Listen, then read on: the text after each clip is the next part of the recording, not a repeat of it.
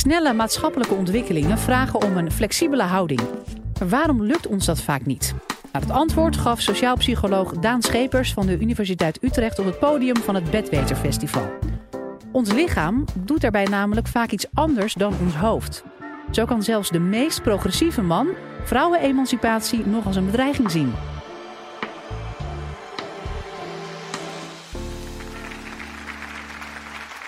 Ik wil beginnen met een uh, stelling. Feminisme discrimineert mannen. Bent u het eens of oneens met deze stelling? Mag ik de handen zien van de mensen die het eens zijn met deze stelling? Van de mensen die hun handen opstaken, uh, is een meerderheid het oneens met de stelling dat feminisme mannen discrimineert. Hou dit gegeven even vast, hier kom ik uh, later tijdens mijn presentatie op terug. Ik ben inderdaad uh, Daan Schepers, ik ben uh, sociaal psycholoog en samen met mijn uh, collega's van de Universiteit Utrecht doen wij onderzoek naar sociale verandering. En uniek aan onze benadering is dat we niet alleen mensen om hun mening vragen over sociale verandering, net als ik net uw mening vroeg, maar dat we ook lichamelijke metingen nemen. Dat we ook met een mooi woord fysiologische metingen nemen om te kijken hoe mensen reageren op sociale verandering. En um, door bijvoorbeeld hartslag en uh, bloeddruk te meten, kunnen we iets zeggen over hoe mensen zich uiteindelijk inzetten voor bijvoorbeeld sociale verandering. Of uh, of ze die verandering juist bedreigend vinden. En uit ons onderzoek blijkt dat het hoofd soms iets anders zegt dan het hart. Dat mensen met het hoofd een progressieve mening uiten, maar dat ze wel degelijk uiteindelijk ook bedreigd zijn uh, als we kijken naar wat hun hart- en bloedvaten uh, voor gedrag uh, vertonen. En dat is voor mij als sociaal psycholoog natuurlijk super interessant, hè, dat het lichaam iets anders zegt dan de geest. Maar dat is ook belangrijk. Dat is ook, heeft ook belangrijke praktische implicaties, omdat die fysiologische processen uiteindelijk ook ons gedrag aanzetten. En ehm, als je dus wilt begrijpen waarom sociale verandering soms al langzaam gaat, of waarom mensen soms al heftig reageren, juist op sociale verandering, dan moet je niet alleen maar meningen meten, maar dan moet je ook fysiologie meten. Hoe gaan we om met sociale verandering? Dat is denk ik een van de grote mondiale vragen van deze tijd. Sociale verandering gaat over verschuivingen in macht en status tussen individuen of uh, groepen. Bijvoorbeeld door globalisering of door migratie of door veranderende normen en waarden, door veranderende seksenrollen of uh, veranderende seksenidentiteiten. en dergelijke verandering is vaak uh, bedreigend. Met name natuurlijk voor mensen die wat uh, verliezen hebben. Denk bijvoorbeeld aan boze witte mannen, hè, waar we zo veel over horen in de media. Um, zo denken uh, mensen bijvoorbeeld, uh, sommige mensen denken, uh, hebben een sterke mening over dat um, discriminatie tegen vrouwen eigenlijk iets van het verleden is. Dat is enorm afgenomen de laatste decennia. Maar daarentegen is discriminatie tegen mannen juist sterk toegenomen de afgelopen decennia. Eigenlijk zijn mannen nu de slachtoffers van discriminatie. Maar ook voor progressieve mensen kan verandering, kan sociale verandering bedreigend zijn. Verandering brengt altijd onzekerheid met zich mee. En um, uh, onzekerheid brengt al snel dreiging met zich mee. Denk aan een jonge vader die met alle liefde zorgtaken op zich wil nemen, maar zich tegelijkertijd toch onzeker voelt over uh, implicaties voor de carrière. Nou, over die vormen van dreiging, over dat ongemak van sociale verandering, daar gaat ons onderzoek over. En um, uh, een van de dingen die we proberen te begrijpen, en die denk ik ook belangrijk is om te begrijpen, is waarom mensen die soms de beste bedoelingen hebben, die progressief zijn, die verandering ondersteunen, toch op een subtiele manier verandering ondermijnen. Nou, hoe onderzoek je uh, zoiets? Nou, niet alleen maar door mensen hun mening te vragen. Hè, want die is, zeker bij progressieve mensen, die is vaak best wel uh, uh, positief. Dus in de experimenten die wij doen, nemen we ook psychofysiologische metingen. Bijvoorbeeld als mannelijke en vrouwelijke proefpersonen met elkaar debatteren over veranderende seksenrollen. En met die fysiologische metingen kunnen we bijvoorbeeld vaststellen in hoeverre um, mensen zich inzetten tijdens een uh, taak, tijdens een debat, in hoeverre ze hun mening kracht bij willen zetten, of in hoeverre ze bijvoorbeeld bedreigd zijn door de situatie. Dus we meten inzet en inzet wordt um, geïndiceerd met een mooi woord door een hart dat sneller en krachtiger gaat pompen. Dus als het lichaam zich klaarmaakt voor actie, hè, dan, dan is er sprake van een soort voorbereiding voor inzet. Terwijl uh, dreiging, um, uh, dreiging zetten we in de regel af tegen uitdaging. Dus dreiging is een vorm van negatieve stress die we vaak afzetten tegen een vorm van positieve stress, uh, uitdaging. Dus als je je inzet voor een taak, dan kun je dat nog steeds als bedreigend of uitdagend ervaren. Op het moment dat je de taak als een uitdaging ervaart, dan verwijden bloedvaten zich, waardoor er meer zuurstofrijk bloed kan vloeien naar spieren, naar organen, naar de hersenen. Terwijl als mensen bedreigd zijn, juist hun bloedvaten uh, vernauwen en uh, er juist niet meer bloed wordt uh, rondgepompt. Dus om deze manier bepaalde fysiologische metingen met elkaar te combineren, kunnen we tot een inzetindex komen en kunnen we tot een dreiging versus uitdaging inzet komen. En we verwachten dus dat dergelijke fysiologische metingen met name afwijken van meningen bij progressieve mensen. En om dat te onderzoeken dachten we, we gaan naar een plaats waar we waarschijnlijk veel progressieve mensen in het wild kunnen aantreffen. namelijk het Lowlands Festival. Als onderdeel van Lowlands heeft um, uh, Lowlands tegenwoordig ook het Lowlands Science uh, Festival, waar wetenschappers onderzoek kunnen doen met um, Lowlands publiek als uh, proefpersonen.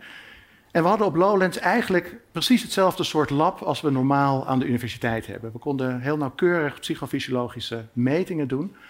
Hoewel uh, onderzoek doen op een festival natuurlijk uitdagend is op een andere manier. Hè. We stonden eigenlijk pal naast het hoofdpodium, de, de Alpha-tent, dus er was uh, af en toe flink uh, geluid. en we moesten mensen ook uitgebreid screenen op alcohol- en drugsgebruik.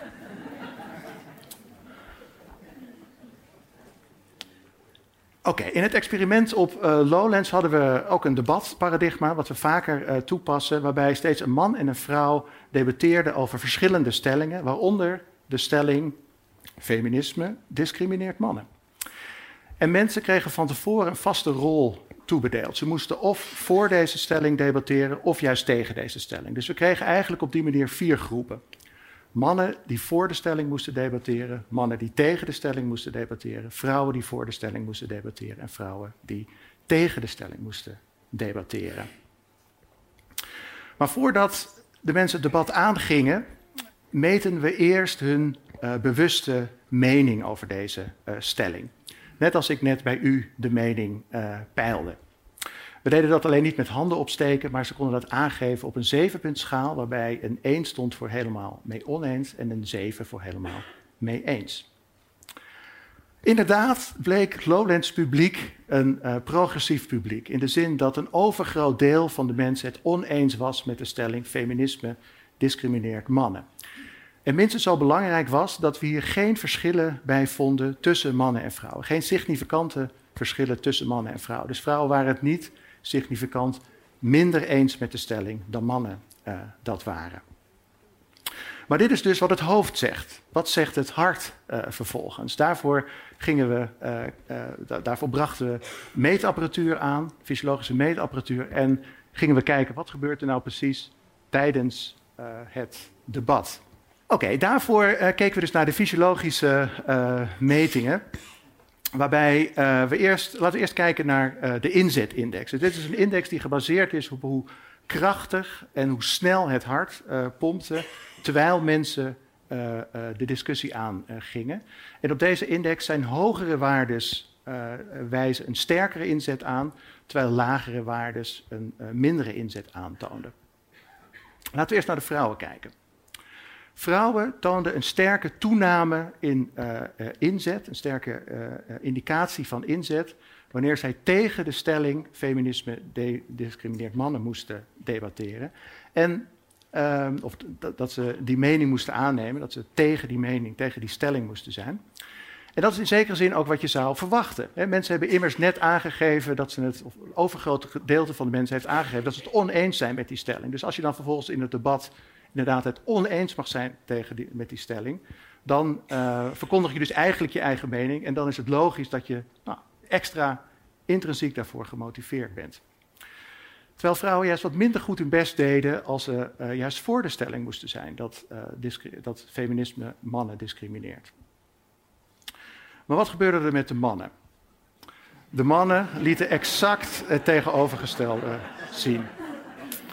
Dus bij de stelling, uh, als zij de stelling moesten ontkrachten dat feministen mannen discrimineert, dan toonden ze maar zeer weinig inzet.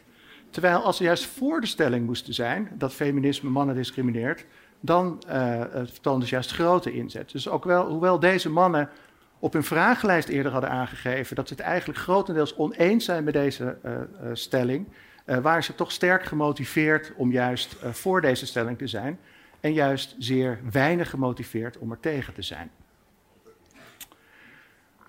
Nou, hoe zit dat verder met die dreiging versus uitdaging? Ook dat uh, meten we met een uh, fysiologische index, waarbij uh, hogere waarden indicatief zijn voor uitdaging. En uitdaging um, treedt dus op op het moment dat, um, um, of als mensen uitgedaagd zijn, dan verwijden hun bloedvaten zich. Terwijl als mensen juist bedreigd zijn, dan knijpen die bloedvaten dus meer samen. En uh, dat geeft, uh, dat op de index geeft dat, komt dat tot uitdrukking dus, bij juist lagere waardes. Nou, laten we eerst weer naar de vrouwen kijken. En inderdaad bleken vrouwen positief uitgedaagd te zijn als zij de stelling discriminatie, of sorry, feminisme discrimineert mannen mochten ontkrachten, als ze daar tegenin mochten debatteren. Uh, terwijl ze lichtelijk bedreigd waren op het moment dat ze juist uh, die stelling moesten verdedigen. Nou, voor mannen vonden we niet een heel sterk uitdaging-effect, uh, zoals we bij de vrouwen vonden. We vonden ook niet een heel sterk dreiging-effect. Het was er een beetje tussenin. Op het moment dat mannen de stelling uh, moesten ontkrachten dat feminisme mannen discrimineert, uh, nou, dan, dan reageerden ze eigenlijk niet zo heel heftig in de een of de andere richting. Wat ook in lijn is eigenlijk met het vorige resultaat, dat ze zich überhaupt niet zo heel erg inzetten. Dus het kon ze eigenlijk allemaal niet zoveel schelen. Oké, dus uh, ons onderzoek laat zien dat het hart soms iets heel anders vertelt dan het hoofd. Dus in tegenstelling tot vrouwen bleken mannen veel minder gemotiveerd om hun progressieve denkbeelden kracht bij te zetten tijdens het debat. Dus hoewel enerzijds hun hoofd zei: ja, ik ben wel uh, voor uh, verandering, uh, bleken ze veel minder gemotiveerd, bleken ze een beetje de kantjes ervan af te lopen in het debat. Terwijl vrouwen juist wel um, dat extra stapje maken. Terwijl vrouwen juist wel echt hard voor de zaak toonden, om het zo uh, te zeggen. En zelfs positief uitgedaagd werden bij het ontkrachten van de stelling dat feminisme mannen discrimineert. De vraag is natuurlijk, waar komen die verschillen vandaan? En daar moeten we nader onderzoek naar doen. Daar moeten we nader ook gaan kijken naar wat gebeurde er precies in die debatten. Wat werd er precies naar voren gebracht? Eén mogelijkheid is natuurlijk dat uh, mannen hier enigszins politiek correct reageerden. He, ze gaven een soort sociaal wenselijk antwoord op, uh, op de vragenlijst. Maar vervolgens, als we dan hun echte motivatie gingen meten op een meer subtiele manier, met een fysiologische maat, dan toonden ze toch minder uh, inzet. Een andere verklaring is dat mannen gewoon veel minder met de gevolgen van genderongelijkheid in aanraking komen. Ze weten misschien veel minder wat er speelt, weten misschien veel minder wat eraan gedaan zou kunnen worden. Ze weten misschien veel minder situaties waar het speelt. Waardoor ze, als ze ineens een stelling moeten uh, verdedigen, um, uh, um, een meer pro-feministische stelling moeten uh, verdedigen, ja, ze gewoon veel minder gesprekstof hebben. Ze gewoon veel minder um, goed beslagen te ijs komen. Nou, dat zijn dingen die we verder gaan uitzoeken. Maar wat het huidige onderzoek in ieder geval laat zien, is een factor die kan verklaren waarom sociale verandering soms zo langzaam lijkt te gaan omdat het hoofd soms iets anders doet dan het hart. En wat ik ook terug wil geven aan u, op het moment dat u zelf nu nadenkt over wat u net heeft geantwoord aan het begin, en of u misschien wel van uzelf denkt dat u heel erg uh, progressief uh, bent, um, is natuurlijk de tweede stap om na te denken in hoeverre u ook daadwerkelijk inzet om dingen te veranderen. En op grond van onze data zouden vooral de mannen bij zichzelf te raden moeten gaan. Dus.